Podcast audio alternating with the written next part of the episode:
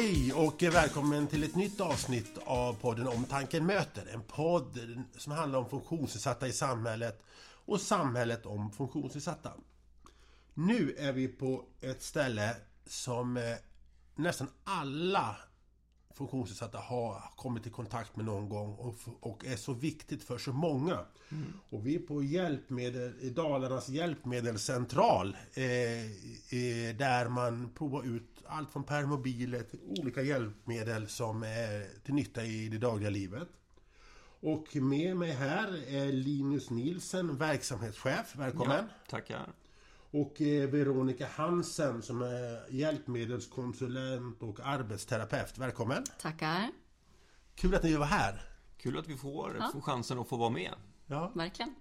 Men det är ju som så att eh, det är så många som, som ni är till nytta för varje dag. Och tänker ni på det när ni jobbar?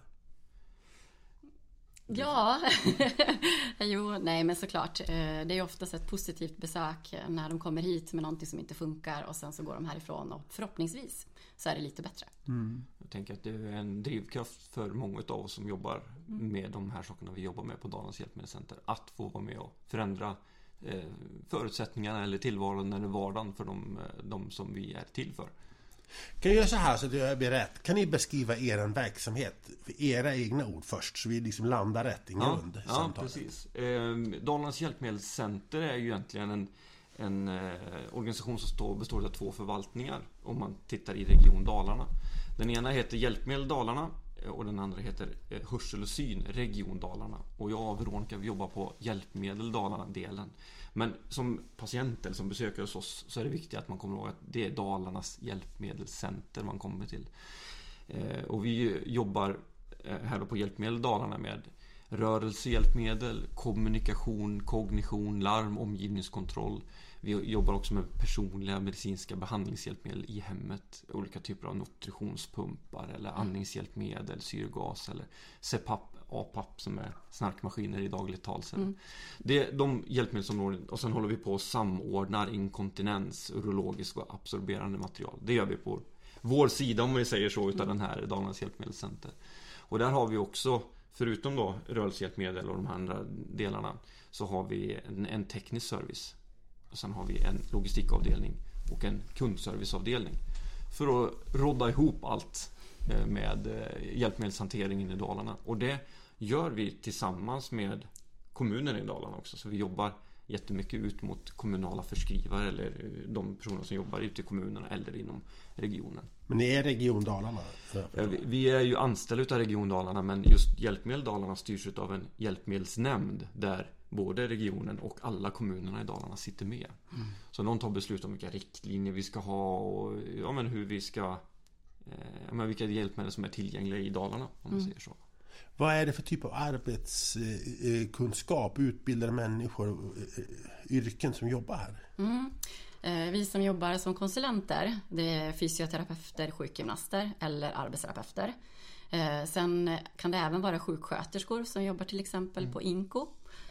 Och det kan även vara logopeder som jobbar inom kognitionsdelen. Precis. Och sen är det tekniker mm. Eh, som eh, är utbildade på olika sätt. Det kan vara inom den mekaniska verkstaden eller mm. bilverkstad eller annat. Ganska brett ja. olika. Sen har vi assistenter mm. och så har vi lagerarbetare. Och, och lite olika typer av eh, funktioner. Hur många är det som jobbar här? På Hjälpmedel Dalarna så är vi ganska precis 105 stycken personer 105. Det är så pass många? Ja. Mm. Och nu sitter vi i Falun, ganska nya lokaler. Eh, Precis. När mina pojkar var, då var vi i Borlänge och hämtade. Men nu sitter vi i Falun. Berätta, var är, var är vi någonstans? Ja, idag så är vi på, på eh, Västermalmsvägen uppe på Ingarvet i Falun. Där vi har faktiskt evakuerat till, mm. tror det eller ej. För vi hade, har haft lite, vad ska man säga, ja, skador på den fastigheten som vi har, är i Borlänge. Där du säkert har varit mm. tidigare då. Mm. Så då fick vi hastigt och lite smått olustigt också då eh, utrymma de lokalerna det var inte så att det gick över en natt men vi fick flytta ut för att eh, de var så pass eh, otjänliga just nu då. Så att då har vi en del av verksamheten här Framförallt mm. Veronica då, och rörelsehjälpmedlen finns här Vi har ett jättestort lager och en jättestor teknisk verkstad här då Så här rekonditionerar vi och återanvänder vi mycket hjälpmedel mm. Sen har vi verksamheter kvar i Bålänge sen finns vi uppe i Mora också delvis då. Så vi är lite utspridda just nu. Falun, Borlänge, Mora, är det där ni är ungefär? Ja, det är de, de, de lite större delarna. Sen har vi ju små filialer med tekniker på andra ställen i länet då för att komma så nära vi kan utifrån de förutsättningar vi har till alla eh, invånare i Dalarna om man säger så. Vad är det bästa med ditt jobb Veronica? ja, det är väl alla patientmöten. Det, det tråkiga är ju det administrativa om man får säga så. Får berätta. Nej, men eh, det är väl att eh, de flesta som kommer till oss eh, kommer ju med någon form av problem som de vill att vi ska hjälpa till att lösa. Och förhoppningsvis så går de ifrån oss med någonting. Att de är, någonting har blivit bättre. Mm. Mm, så det är ett väldigt positivt jobb. Är det här någonting som accelererar? Ökar den här verksamheten? Ja, det kan man säga. Mm, ja. Det har de väl gjort egentligen från, från det att man startade på, med hjälpmedelshantering mm. inom regionen så har det successivt ökat. När var det i tidsrymden? Oj, kan det vara någon gång på tidigt 70-tal? Ja, ni tittar på varandra. ja, jag lite osäker men ja. någonstans ja. så, blev, så blev det liksom en egen verksamhet. Man har ja. hanterat hjälpmedel mycket längre än så men då blev det en egen verksamhet och som mm. växte väl den framförallt på 80-talet. Jag började jobba 2014 och då var vi 75 personer. Så bara från 2014 till idag så har vi ökat med 25-30 personer. Mm.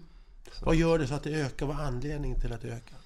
Den, den, största anledningen skulle jag säga som man tar en enskild anledning så är det demografin. Mm. Att vi blir fler äldre i Sverige. Aha. Och det, äldre är ju den grupp människor i samhället som har, är störst, som använder mest hjälpmedel. Om man säger så.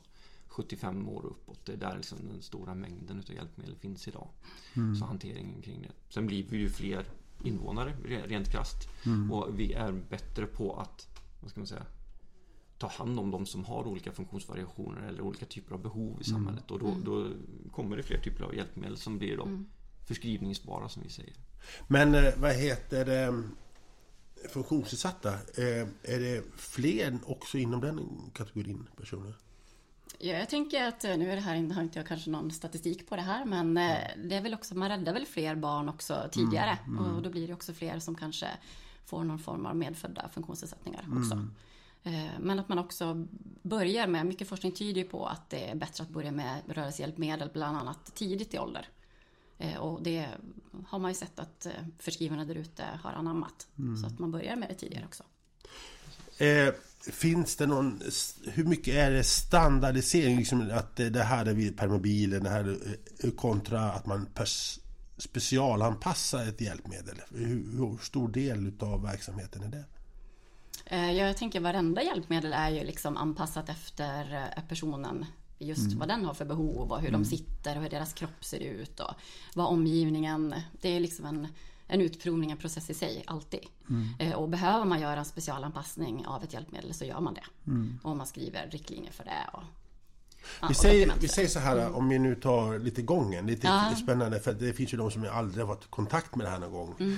Vi säger att eh, en person kommer in och som är medelålders som, be, som behöver då exempel inte kan gå, liksom mm, mm. hjälp. Men generellt sett, vad händer när man möter er första gången? Kan du liksom intervjun och mötet och hur mm. ni jobbar och så vidare? Ja, alltså jag och mitt team, vi är ju fyra stycken konsulenter och fyra tekniker. Och vi jobbar ju framförallt mot habiliteringens målgrupp, mm. både barn och vuxna. Eh, så för oss så är det viktigt att eh, man får fortsätta. För om man är barn så får man fortsätta ha kontakt med habilitering eller med oss som vuxen. Mm. Eh, så så om det är någon person som inte har haft kontakt tidigare eh, så kan det vara så att det kan vara till exempel en person med cerebral pares som kanske har fått svårare att gå längre sträckor till exempel. Mm. Mm. Eh, och att det är en sån person som kommer till oss kanske för första gången. Eh, kanske är så att man behöver en rollator, mm. något form av gånghjälpmedel för att kunna gå längre sträckor. Eller kanske till och med en rullstol för att kanske köra själv. Mm. Eller bli skjutsad mm. lite längre sträckor. Och då kommer de hit och det är alltid en förskrivare, antingen arbetsterapeut eller sjukgymnast då, om det är rörelsehjälpmedel, som tar kontakt med oss och skickar in en beställning till oss. Att eh, de har en patient som har det här behovet. Mm. Och de önskar vår hjälp att prova ut ett sånt.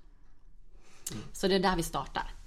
Och eh, ni lyssnar och ser varje enskild person som en unik person och ett unikt behov? Ja, det ses som en självklarhet. ja. ja. men jag menar, det, det är inte som man köper ett, du vet, ett antal permobiler exakt lika eller någonting så utan Nej. Är varje permobil exempelvis är, är den unik i sin funktion till varje? Ja, man skickar alltid en beställning på den patienten eh, och provar ut den för den patienten. Och sen att man lämnar ut den. Är det funktionen eller liksom att, hur man sitter och är? Eller är det tekniken? Eller vad? Ehm, Jag tänker att det första man gör när man provar ut just en permobil då, eh, så är det att se vad personen har för behov av, vart den ska vara, har de uppställningsplatser, var ska de köra, inomhus, utomhus. Ehm, Att man kan, att man kan förvara den också på ett bra ställe för laddning och så. Eh, Men också det viktigaste är att personen kan vara aktiv i sin stol. Vad ska de göra när de sitter i den här stolen? Att det är kopplat till någon form av aktivitet. Ehm, På vilket sätt har den typen utvecklats kanske sedan 80-talet då? Liksom att, eh, är det med de här tekniken och gör det? För då, Ja, det har, ju, det har ju skett jättemycket. Ja. Alltså, tittar man de senaste 20 åren så är det ju nästan som man kan, kan prata om en explosionsartad utveckling. Som att, att det finns vad ska säga, mer avancerad teknik eh, i en elrullstol. Oavsett och, och hur den kan liksom kommunicera med andra funktioner i hemmet till exempel. Alltså via omvandlingskontroller och sådär.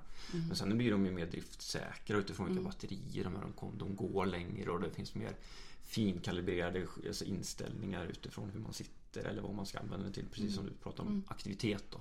Vad ska, vad, vad är, hur ser mitt liv ut och hur kan jag anpassa elstolen utifrån det till exempel. Men Veronica, är du eh, en av de där som, är innovatörerna liksom, och, skapar eller har du ett team bredvid dig som är den här upp, citat uppfinnar-Jocke ungefär, citat, slutcitat? Ja, jag tänker att det alltid är teamarbete. Det är ju patienten och kringpersonerna som eh, egentligen är de som bestämmer mest Ja. så, och uttrycker behov och så. Och sen så eh, i rummet så är det också förskrivaren, arbetsterapeuten eller sjukgymnasten. Och sen är det jag, tekniker. Eh, så givetvis så diskuterar vi i våra team om, om det är kluriga lösningar och så. Men det är ju vi i rummet som, eh, som kommer på det tillsammans. Och sen är det väl vi som, eh, jag kanske har mer specificerad kunskap kring patientens kropp och undersöker rygg till exempel. Och att man gör det tillsammans och beskriver behovet för patienten. Och tekniken är den som säger, är det möjligt att göra tekniskt? Ja. Det Så- måste vara otroligt spännande att skapa ett hjälpmedel, liksom, du vet, då, eller hur? Det är in- innovationsmässigt och liksom, hur ska vi lösa det här? Ja, det är fantastiskt. eh, Det är otroligt härligt när man får till någon sån där jätte, jätteklurig eh, lösning och när man ser också hur lyckan hos patienten.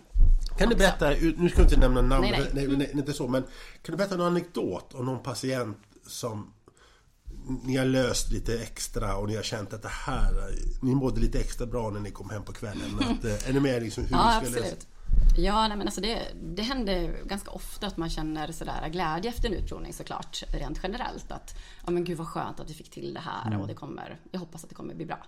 Ehm, ja, men bara sådär snabbt, för några veckor sedan så träffade jag en kille som eh, har vuxit och eh, blivit lite större eh, och eh, har en massa olika ståhjälpmedel till exempel. Eh, och eh, fick för första gången prova en ståelrullstol. En, en stål stå-elrullstol. Ja. ja. Det finns olika elrullstolar. som man kan stå. Ja, precis. Så man kan även sitta och köra runt men även att man kan ställa sig upp i sin stol. Eh, och han provade det för första gången och den här killen kan inte kommunicera med tal eller Nej. så. Men det leendet som han fick när han ställde sig upp i den här stolen och fick se sig själv i en sån här spegel. Vi har en stor spegel i det här rummet vi sitter i. Eh, det var det var fantastiskt och det var alla i rummet fick tårar tror jag i ögonen. Det var så. Ja, så han ska få den nästa vecka. Och, då, får, då är han liksom ett steg till. Ja, då ska vi prova ut en, Ett- hans stol. ja, så. ja. Nu fick han prova en stol som vi hade här. Hur många sådana tårfyllda ögonblick har ni på ett, i månaden? Jo men faktiskt Men jag kan så är det tänka några mig att det- stycken. ja, jag förstår ja, det. precis. Ja, jo, nej men det kanske, det är väl någon gång i månaden tror jag. Det är det? Ja. Är det här som gör jobbet så häftigt? Ja, absolut. Men hur mycket är det som ni...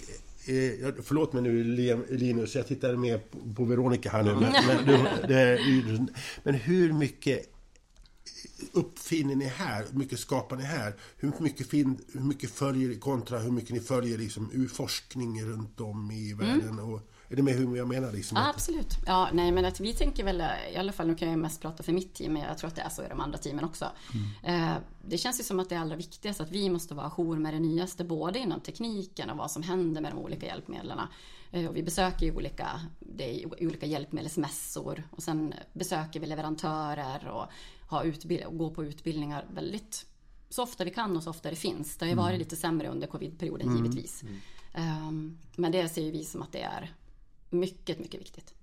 Hur ligger Sverige till i innovation? För det finns ju funktionsnedsatta runt om i världen. Ja. Hur, hur bra är vi i Sverige på det här? Jag skulle säga att Norden eh, ligger i framkant globalt. Det är det? Ja, internationellt. Det ska vi absolut säga. Och, och just kring hela, hela hanteringen utav hjälpmedel och eh, stöttning till personer med funktionsvariation så ligger vi liksom väldigt långt fram. Ja. Både hur vi, hur vi tillhandahåller men också hur vi kan anpassa eller specialanpassa utifrån individens behov. Men också hur vi faktiskt om man tittar på ett samhällsperspektiv då tar hand om produkterna i hela cirkeln. Vi återanvänder ju på rörelsesidan så återvänder vi över 75% av alla hjälpmedel så att de går ut igen. Så att vi inte bara åker i bingen efter de har varit ute utan att vi kan ha en, ett, ett cirkulärt tänk både utifrån miljö men också utifrån ekonomi då, att vi återanvänder hjälpmedel. Så länge de är funktionsdugliga, säkra och liksom har ett, ett visuellt okej liksom. Ja. Men eh, eh, är, vi, är vi duktiga i Norden även i innovationen också? Skapa nytt?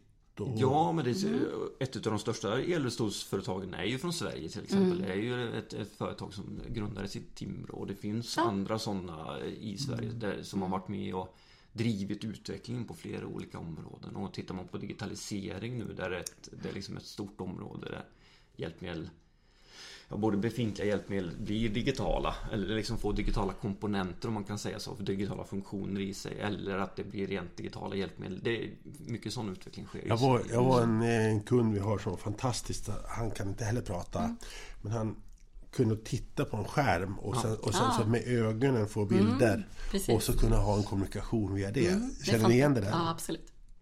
Ögonstyrning eller Mm. ögon, ja precis. Är det, ni känner, är det, är det, är det, det här måste väl vara i framkanten vad, man, vad som finns? I, Ja, eller- det, eller- det har funnits ganska länge skulle jag Ja, säga. är häftigt. Så att det, det, är ju, det är en industri som ligger lite, alltså medicintekniken överlag ligger långt framme och vill vara liksom innovativ. Så. Sen är det ju ganska mycket regler och så där, lagar som styr hur vi utvecklar och vad vi tar fram och vill, vad som blir förskrivningsbart. och så. Vi säger så här, vad är vi i det nyaste? Alltså generellt sett, det här, det här är en väldigt svår fråga. Men eh, ni får ta för vad det är. Men, Ja. men alltså, alla sitter inte i rullstol och alla sitter... Men det finns ju generellt sett, vad är det nyaste, det häftigaste i tekniken som nu är aktuellt, som ni så känner, det här kan vi erbjuda idag? Eh, För typ av hjälpmedel. Ja, det var svårt. Det är en berömningssport men, men Ja. eh, det är mycket som sker inom sen, alltså utifrån sensorer som finns. Att man läser av en person i hemmet. Var har den trillat eller var är den och hur, hur mår man? Det, men det, det är liksom inte riktigt ska man säga, Det har inte riktigt kommit ut helt och fullt på marknaden kan man väl säga. Det är liksom inte, det är inte standard idag utan det, men där sker det mycket utveckling och just vad ska man säga, den digitala aspekten kring medicinska behandlingshjälpmedel som kan skicka information om att ja, men nu har vi gjort en inställning så här och så kan man följa upp det på distans utan att varken patienten eller eh, behandlaren behöver göra jättestora insatser utan det samlas data och sen så säger ja, men det här, så här blev det, hur, hur upplever patienten? Ja då kan vi ändra eller göra distansförändringar på, på en behandling till exempel. Inte bara man- åka ut. Nej, utan du kan läsa av eller känna, vad heter det, hjälpmedlet känner av själv om det är någonting som är fel eller... Sätter man in en någon diod i någon blod... Hur, hur? Ja, det beror ju, det är ju helt beroende på vilket typ av hjälpmedel. Nu, nu tänkte jag just på andningshjälpmedel. Ja. De, de har en viss, de läser ju av syremängd till exempel och sådär. Att man kan göra in, ändra inställningar på grund av det. Eller att den känner av att det är något, som behöver För det här finns ju till exempel nu, just man får hjälp med andning och sån matning och allting. Ja. Det, det är inom det området på det viset. Ja, det, det, och det börjar komma på elstolar också att, att det finns digitala komponenter och simkort i elstolar som gör att de kan signalera att Nej, men du, vänta, nu börjar batteriet bli dåligt eller nu börjar det här hända eller nu så, så, så, så här kör patienten och man utvärderar liksom att, eh, vad man kan träna på. Så, så det, det kommer ju väldigt mycket sånt. Och de här ögonstyrningarna blir ju bättre och bättre. Förut så var det väldigt sådär att du var tvungen att ganska högfungerande om man kan använda ett sådant begrepp för att det skulle funka. I en, nu- i en vadå? I en, I en vardagssituation Ja. att du var tvungen att bokstavera. Men nu har man kommit så långt i de här att de snabbt känner av och kan läsa av att du kan liksom lära in Alltså själva systemet lär sig självt att ja, men den här personen eh, tittar på det här sättet och då får du liksom fram kommunikationen snabbare.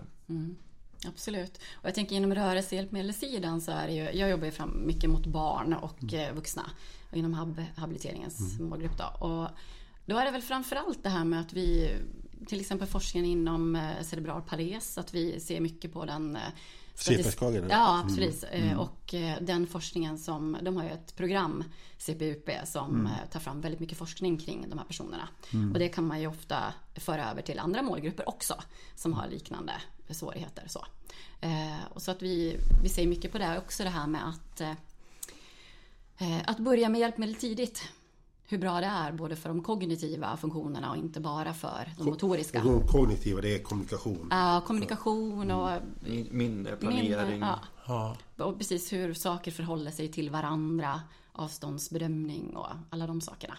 Så att det är ju mer än bara att kunna förflytta sig och få bättre stabilitet i kroppen till exempel. Ja, mm. ja.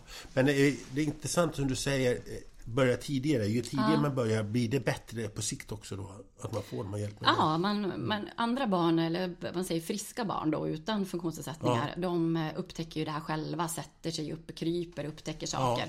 Ja. De här barnen kanske börjar krypa senare. Mm. Eh, kanske sitter upp senare. Mm. Eh, kanske inte håller sitt huvud mm. lika snabbt som mm. eh, ett barn som inte har en funktionsnedsättning. Mm. Så att eh, ja, det, man kanske börjar med gånghjälpmedel senare än ett barn som eh, inte har en funktionsnedsättning. Men man, det är bra att testa. Jag tänker, jag tänker mig också att för föräldrarnas skull, för att det, ni måste möta väldigt många ömma, trasiga, eh, liksom, jag menar, alltså, man får ett barn man har ju drömmar om vad barnet mm. och hur man ska vara och plötsligt mm. blir det en helt annan spelplan och så vidare. Och kommer hit med ett barn att få den hjälpen och få nära normalt liv. Jag kan tänka mig mm. att ni måste ha haft många sådana här möten. Ja, alltså det som är fint tycker jag med så som vi har uppdelat i våra team, att vi följer dem från, de kanske kommer hit när de är åtta månader första gången. Det mm. kanske är en vagn man behöver prova ut som behöver, om barnet behöver mer stöd än, eh, än i en vanlig vagn. Mm. Så det är kanske från åtta månader, att man följer dem också genom, eh, genom åren. Att de träffar ungefär samma mm. personer, mm. att man inte byter personal. Mm. Så om det är en konsulent som har börjat med en, ett barn så brukar vi följa dem så mycket vi kan. Mm. Och det är även upp i vuxen ålder, att man inte byter team. Utan Men där måste ni ha en väldigt viktig roll, just för att när de kommer åtta månader. Mm. Det, det är många som är i kris, helt klart. Ja, mm. som, är, är, som har jobbigt i livet. Absolut. Och det är ju en, det är en del av mötet med ja. patienten. Om man tänker att patienten kanske inte bara... Vi ser inte, inte patienten bara en person utan det kan ju... Alltså, mm. I de här mm. lägena så är ju hela familjen patienten mm. på ett sätt. För att ja. de går igenom någonting och de behöver...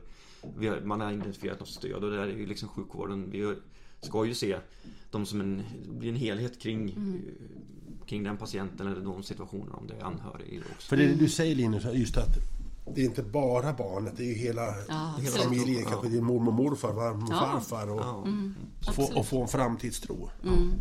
Ni jobbar mycket med det, med det, att det är inte konkret, att det inte bara är det här hjälpmedlet utan det måste skapa livsgnista också. Ja, ja men det är ju, vi ska ju jobba, hjälpmedlet är ju till för att skapa självständighet, delaktighet och, och, och liksom en, ett, en, en holistisk syn på människan. Liksom att, att du ska kunna leva ett så bra liv som möjligt mm. utifrån dina förutsättningar. Mm. Och det behöver vi träna oss på. Och, och, att vara med och möta det och, och tillgodose. Och ibland är det kanske inte hjälpmedel som är det viktiga utan det är samtalet. Mm. För precis som du säger att det kanske är en ganska enkel sak som eh, mm. själva hjälpmedlet att hitta en vagn. Mm. Men i det läget kan det vara lika mycket värt för, för anhöriga att komma hit och se att ja, men det här, de här resurserna finns mm. för oss mm. också senare i livet mm. för att vi ska kunna leva ett bra liv som familj också om man mm. är i kris till exempel som är på. Men också väcka tankar om att, för vi kanske har träffat fler barn med, med cerebral pares än det här mm. barnet som kommer nu som åtta månader. Men att väcka tankar att ja men så här kanske det kan bli framöver.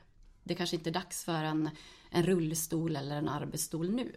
Men att och skapa ja. att det kan bli ett bra liv. Ja men precis, och att det kan vara otroligt fantastiskt. Händer det ofta att ni får liksom säga Kom igen, det här kan bli bra och att, att föräldrar har nästan Ja, slutar lite mening med livet. Det, det, en del är ju jättedåliga jag har mött och som, som mår jättedåligt. Mm. Men att man här kan få en liten ljus i tunneln och livsgnista. Jag tror att själva besöket i sig, jag tror att habiliteringens personal tar ju mycket av, ja. och mm. mycket av de frågorna. Mm. Eh, vi, men ibland kan man givetvis få det på utprovningarna också.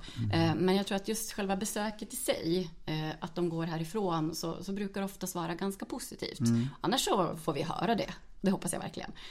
Men att, ja, jag tror att det kan ge en liten hopp om att, ja men gud, hon kan ju vara med och göra det här om hon får den här arbetsstolen, sitta med de andra barnen på förskolan eller ja. Ja, det, det, det är det jag menar. Det men habilitering är Mm. jätteviktigt det du Ja. gör, men det är ni som är närmare livet, om du Mm. förstår vad jag menar, det dagliga livet. Har ni något minne där liksom, någon, någon föräldrapar som ni ser kommer hit, är väldigt ledsna och flera, flera år senare ja, har sett, har, har, ja, det här funkar ju, det här har vi ett bra liv. Absolut. Kan du berätta Eh. någonting? Ja, nej men det är en, en kille som jag följde sedan han var pytteliten. Han var väl en 6-8 månader eller något sånt. Eh, och eh, eh, föräldrarna kom hit och det var jättejobbigt och ganska unga föräldrar också.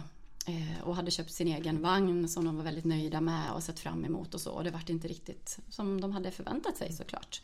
Eh, men var väldigt öppna och pratade mycket om det med oss här. Och, eh, och idag så är pojken flera år äldre. Eh, och nu är det de som kommer med idéer när de kommer hit. Att ja, men du, vi har tänkt på det här. Kanske jag ska börja ha en, ett ståskal och kunna stå upp i en tippbräda. Och att de kommer med egna eh, idéer och har sökt på nätet. Och jättekloka föräldrar. Det, Mm. Nyskadade människor, till exempel någon som kanske är fallolyckor, bilolyckor, som Ja. är förlamade och Mm. som har gått ifrån ett aktivt liv och sen plötsligt... Ja, de möter vi också inte i mitt team, utan det Nej. är ju under 16 år Ja. så kommer de till våra team. Ja. Men om det är efter 16 år så de andra teamen träffar Ja, ju de personerna. du får prata för ja. hela Ja, precis. De, eh, Ja, men ja, De möter vi också. Det, är- Ja. Mm. det finns ju hela spannet allt från de, de, de här som ni berättar om nu till Mm. de som eh, av ska man säga, normalt åldrande också han kommer i kontakt Mm. med hjälpmedelsverksamheten. Då, Men jag tänker, kan tänka mig det att någon som råkat ut för en olycka och Mm. plötsligt accepterar att den här rullstolen ska jag sitta i. Ja. Där gäller det att vara också lite psykolog, Mm. eller? Ja, man måste vara jag. Mm. ödmjuk för, att eh, varje individ har sin process och hanterar Mm. det på olika sätt och, och kriserna kommer väl i olika skeden Mm. och allt det här. Och det, det är ju någonting som ni tränar mycket på och liksom utbildar och förbereder er för, för Mm. att kunna hantera. Hur jobbar ni själva internt? För jag, jag menar, ni måste ju se och uppleva väldigt många jobbiga situationer, tragedier. Och, jag menar, ni är också människor och jobbar här. Och nu tittar jag på dig Linus. Med, hur, hur tar du hand om personalen att Ja. de mår bra? är det vad jag Ja, menar? men jag tänker att det, det är som det är inom hälso och sjukvården i övrigt. Vi har, vi har det här ansvaret och de som eh, har den utbildningen från, eh, från högskolan till exempel. Är liksom, då, då är man liksom inne i det och vet att ja, men det, här, det här stödet har, kan jag jobba med. Och hur, vi- jobbar ju mycket med team. Och i teamet hittar man ju mycket stöd. Och att hitta stödet hos varandra. Men sen är det ju också det att, att vi, vi är ju precis som när vi jobbar med våra patienter så tittar vi, okej vad har Veronica för behov? Vad har Linus för behov? Och vad har våra kollegor för behov? Så att man försöker anpassa lite utifrån vilka förutsättningar man har som medarbetare också. Att gå in och möta. Är man precis ny som tekniker och aldrig jobbat inom hälso och sjukvården.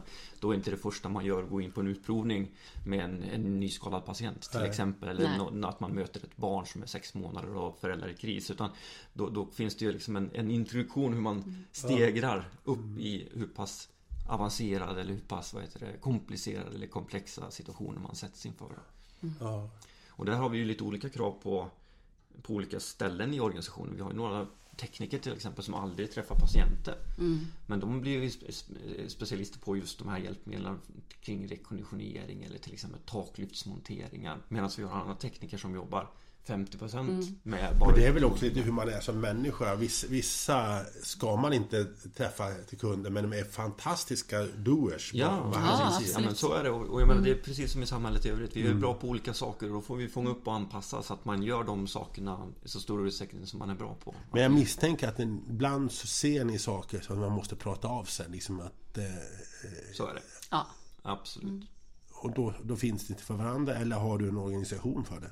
Ja, dels eh, oftast så löser ni ju själva inom teamen Ja. och att man eh, pratar med sin, sina nära kollegor eller man har någon chef som man vill prata med. Men är det så att det har hänt något som, som är väldigt jobbigt för en, då får man ju hjälp av HR till exempel. Eller man det är, och det är... H- Eh, vad heter det, men personalenheten på, Ja. på, på, inom regionen. Ja, ja. Och det, det finns det olika, vad ska man säga, inte skyddsnät men, men liksom rutiner för hur vi fångar upp varandra och stöttar varandra och de bitarna. Men det var mycket pengar som måste omsätta det här och verksamheten. Ja, Eller Ja. du, du skrattar. så, så är det. Vi, Hjälpmedel Dalarna, alltså halva om man säger så, omsätter ungefär 170-180 miljoner per år. Hjälp mig, det är där vi är nu. Ja, precis. Ja. Och vi, vi levererar ju ut, vad är det, 200 000 artiklar varje år ungefär. Så vad sa du, 200? tusen artiklar. Men då kan ju en artikel vara eh, en rollator Ja. och, det, och på vad heter det, en elstol kan det vara 40 artiklar. Så att det, det, men Ja. det är mycket Oj. hjälpmedel och vi återanvänder, alltså vi tar i retur ungefär 11 000 hjälpmedel varje år. Sen återanvänder vi inte alla dem. Finns det någon artikel, något hjälpmedel generellt som, som ni är unika för, som har skapats här i Dalarna, som ni har gjort här? ja, det beror på hur du ser det då. Vi som är lite nördiga på det. Varje specialanpassning är ju unik. Ja. Men det, vissa hjälpmedel är ju liksom Undrar om inte rullatorn det är en svensk uppfinning. Man tänkte här i Dalarna, men att men om det är en... Om ni har gjort någon, någon justering, det, det här som flera titt, kommer hit och tittar på. Det är jag osäker på. Ja, jag med. Jag kan inte Du får svara på nästan det. nästan pass där tror Ja. Det, det är klart att vi har Jag säger ju utifrån det jag eh, lite kaxigt säger, säger att vi eh, är väldigt långt fram även i Sverige här i Dalarna. Ja. På, att, på, på sättet vi jobbar med hjälpmedelshantering eller hjälpmedels eh. Så att vi har väldigt många bra och duktiga liksom, medarbetare som gör de här anpassningarna till exempel. Vad kan ni bli bättre på då? Hur ska, vad har det, vad är, hur, för all verksamhet ska ju utvecklas Ja. och, och ni får ta det som en artig fråga. Ja, nej, men det, Men vad, hur, vad är det inom Det är så mycket att välja eh, nej, men det Vilken vi, blick du det fick vi, nu, ja, men det vi tittar på nu som, som vi vet att vi vill bli bättre på, det är, eller har bättre, det är faktiskt lokalerna. För att eh, vi vill ju ha verksamheten samlad på ett ställe. Och det jobbar vi för. När du säger i Falun-Borlänge? Nej, i Borlänge då, Ja. där, där har vi liksom Vi håller på att rita på hur, vi skulle, hur, den, hur den här hjälpmedelscentralen om man säger så kan Ja. se ut och hur vi liksom kan utveckla sättet att jobba tillsammans för att det ska bli så bra som Men när du säger ett ställe, är det ett ställe i Borlänge, ett ställe i Falun, ett ställe i Mora? Nej, ett ställe i Borlänge. Liksom Ja. det. Nu är vi, nu är vi utsplittrade egentligen på tre ställen och vi skulle vilja samla det på ett ställe. Så att Ja, vi men det liksom, ska finnas kvar i Falun, Borlänge, Mora? Ja, vi kommer, vi kommer finnas eh, kvar på flera utbudsställen Ja. om man kan använda ett sånt ord. Men lokalerna vet vi att Ja. just hanteringen kan bli lite bättre. Mm. Men sen, vad ska man säga att vi ska... Eh, jag tänker att inom digitaliseringen, här har vi ju alla mycket att lära och mycket att se. Okej, hur kan vi nyttja den potentialen så att det blir, håller kvar det här personliga, det Ja. mötet liksom, det mellanmänskliga. Men samtidigt nyttjar all eh, stor del av den liksom, fördelen eller potentialen som kommer med digitaliseringsmöjligheterna. Och, och liksom få till den kombinationen så att vi inte tappar bort människan i det. För bak- bakom varje digitalt hjälpmedel eller varje videomöte så sitter ju en person. Och vi vill ju kunna ja, men, fånga upp de som är där men ändå ha nytta av. Hur är, känner ni att är ni prioriterar, är ni med i matchen när, när regionen totalt tar sin budget och sådana saker och ni äskar pengar varje år? Eh, förstår man er betydelse eller hur, är det mycket sparbeting eller nu tittar jag på dig Linus. Alltså, jag, jag, med en dåres envishet när jag pratar med politiker så den bästa samhällsekonomiska investeringen man kan göra det är att förskriva ett hjälpmedel och se till att det används. Det är så ja. Det, det skulle jag absolut säga att det är. Sen, sen kanske jag inte har eh,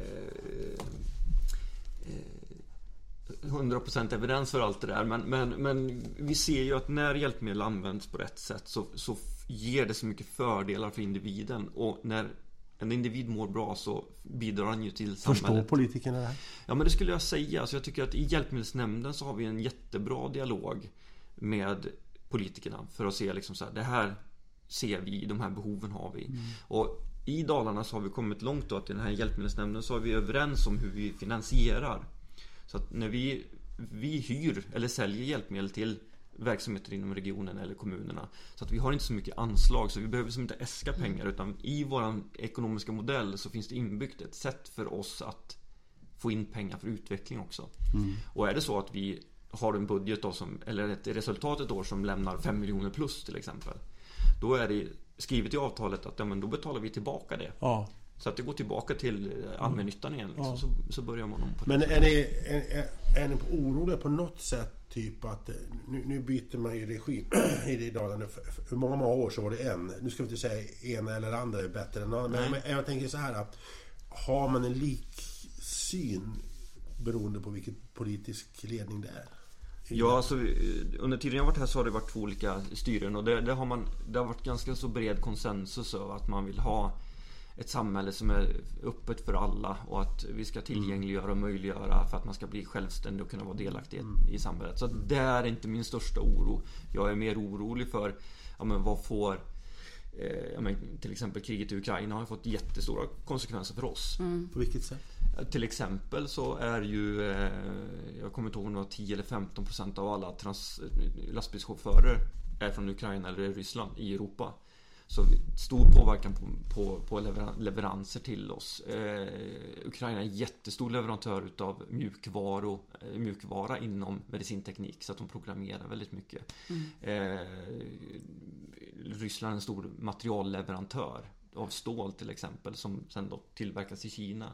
Och om du har då ett, ett hjälpmedel som är en medicinteknisk produkt som är liksom eh, vad ska man säga, de, de har tillstånd att, att marknadsföra det. Den är liksom klassad som en medicinteknisk produkt. Då kan de inte bara byta leverantör av stål utan då måste de klassa om hjälpmedlet igen. Så det är de här materialbrist, råvarubrist, transportproblem. De problemen är större för oss skulle jag säga än, än liksom den lokala politiken i Dalarna. Hur, och det här är ganska intressant. Och då, då får jag så här. Kriget kan ju pågå eh, Ja. en bit till. Det befarar vi ju att vi gör. Men Ja. hur rustar den här verksamheten för framtiden? I det här? Vi jobbar med recirkulering, alltså återanvändning. Vi har en kontinuerlig dialog med leverantörerna för att se till att okej, får vi in grejer, kommer det sent? Om det kommer sent, vad kan vi erbjuda istället?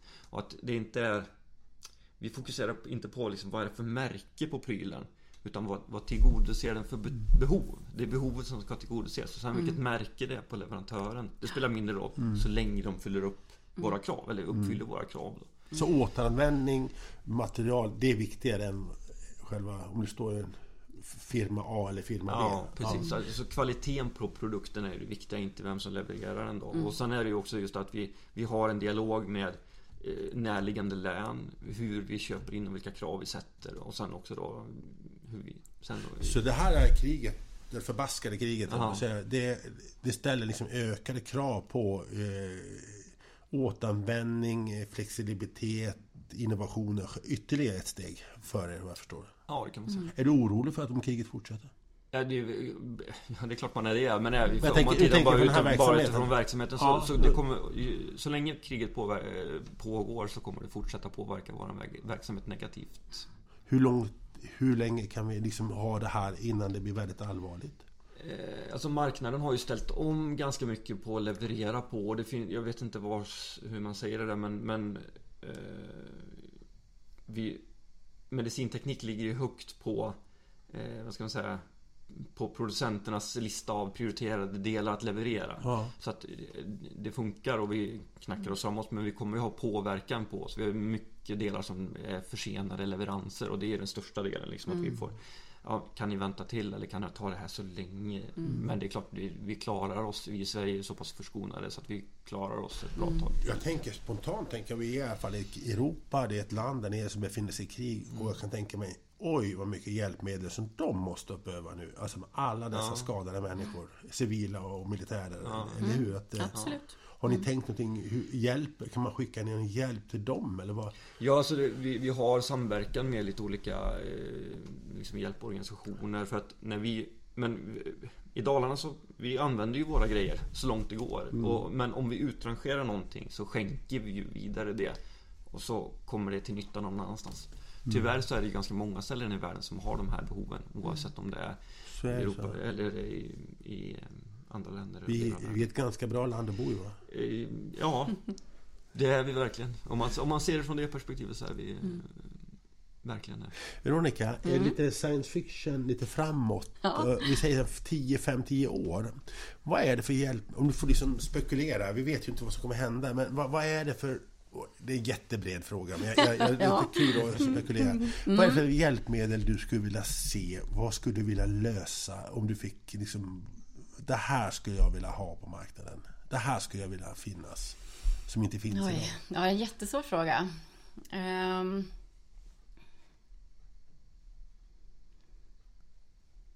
Du tänker länge nu.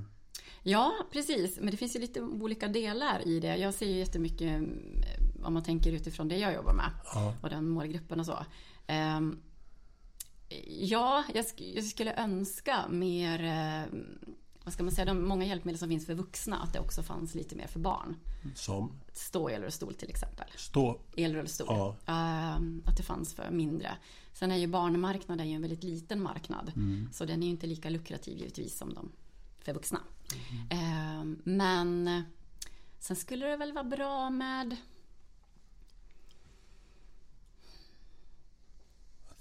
Ja, alltså det här är så jättesvårt. här, jag tänker så här Tio år eh, jag- framåt. Jag, tänker så här, ja eller framtid, men Ja. eh, tror ni någon gång till exempel, det finns ju, det här är ju också, men många som är nyskadade, vuxna, förlamade från midjan eller från armarna, du vet och så vidare. Mm. Att hitta något mer hjälpmedel, att de kan komma, kanske stå upp, hjälpa och röra lite mer, att sinnet kan röra händerna.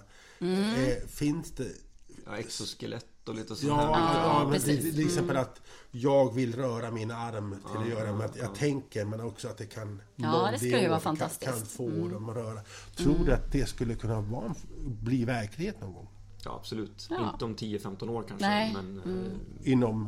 eh, inom lite längre tid. Så. Ja, precis. Ja, Ja men det tror jag, både det och att man nu kommer självkörande bilar och att Mm. du, om du till exempel har Första steget kanske är att du styr elstolen, att den är självkörande på större Mm. utsträckning eller att du har Till exempel, eh, ja, vi har ju smarta klockor Mm. många av oss men att det kanske det liksom utvecklas att känna av Hur den här patienten mår nu, om den behöver någon hjälp eller Mm.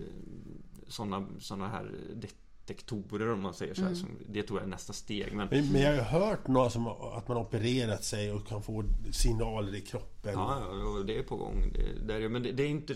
Än så länge så är det mer liksom inom medicintekniken kontra hjälpmedel. Så det är lite mer inne på lasaretten, de här bitarna. Än, så där, där får vi inte riktigt, eller hör vi inte så mycket just nu. Men eh, sådana här exoskelett är ju en del som man jobbar med i och APA bland annat. Då, för att okej. hjälpa omvårdnadspersonal att, med tunga lyft. Ja. Samtidigt så kommer det ju sängar som kan vända patienter som ligger i på ett säkert sätt själv. Mm. Och det är ju också sånt som är liksom, de olika stegen för, för varje om- hjälpmedelsområde liksom är ju häftigt att se och det kommer komma mycket mer sånt. Jag tänker på bilar som man kan köra själv. Och, Ja. för Vi är ju näst, där börjar man ju se en vision absolut, av det. absolut. Och du har ju, du har ju eh, bilar som kan köra in i hårstrån också. Och då tänker jag då, om man har lyckats skapa det med nanoteknik då gäller det bara att ha en marknad som, som skapar det för oss.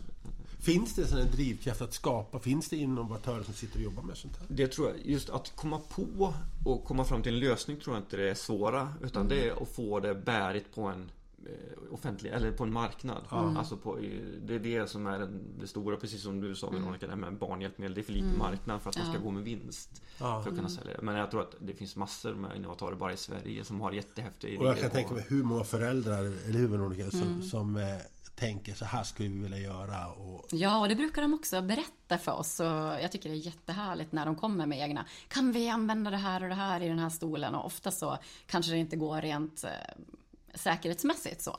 Men vi kan ju hitta på någon liknande idé i alla fall. hur ofta är det föräldrarna hittar på någonting själv som kanske inte håller alla standardisering och, och själv... eh, Är du med hur jag menar? Att Ja, ja visst. Jo, men det är ju jätteofta. det. Eh, ja, men eh, vi kanske inte vill veta allt tror jag. Du inte vet, Nej. Varför vill ni inte veta? Nej, men eh, de får gärna göra saker hemma. Det är ju jättebra om det gynnar deras barn och vuxna. Det är, men det är för fantastiskt. säkerhetsgrejer. Och, och, och får ni veta så kanske ni bör säga stopp eller? Ja, nej men om man tänker som elrullstolar och sådär så skriver man ju på liksom när man lånar en elrullstol skriver man ju på ett kontrakt att man inte ska förändra den och Ja. ja, sådana saker. Så vissa saker får man ju göra, sätta på Ja. ett klistermärke eller så, men man får ju inte ändra liksom så mycket annat. Nej, nej, men jag tänkte man skapa egna re- Ja. hemma och... Ja, visst. och- och Mm, och det brukar de berätta om och så. Det är ju, vi lyssnar och Är det, någon får gång, idéer är det någon gång ni har tagit idéer från när de har gjort hemmapul med sina egna grejer? Och det där kan vi göra och så kan vi göra någonting. Ja, men det tror jag teknikerna framförallt pratar mycket med en del mammor och pappor om sådana saker. Också assistenter. Eh, det gör de Mm. definitivt. Och vi också såklart. Men det är mer de som plockar delar av idéer och så. Definitivt. Vilket spännande Mm. jobb ni har. Otroligt. Ja, vilken spännande framtid det kan bli. Ja, det kommer det bli. Bara blir Fredrik och Carina Ja, det är ju ett bra steg det. på vägen. Ja. Men ni ser framåt, det här kan bli spännande. Ja, absolut. Absolut. Du vill inte byta jobb Veronica? Nej, det absolut inte. Nej. Nej. Du, med det här leendet som ni har och den här spännande framtidsvisionen och för, som kan hjälpa så många människor. Är inte det en bra avslutning på det här avsnittet? Det låter väl Ja. toppen. Ja. Och med den positiva framtidsandan så ber jag för att tacka att ni ville vara med, Linus Nielsen och Veronica Hansen. Tack för att ni ville vara med. Jättespännande att höra om er. Eh, tack alla ni lyssnare för att ni har varit med och lyssnat på det här avsnittet. Jag hoppas att det har varit ett nöje och, och många kanske känner igen sig till och med också på det, vad som händer här.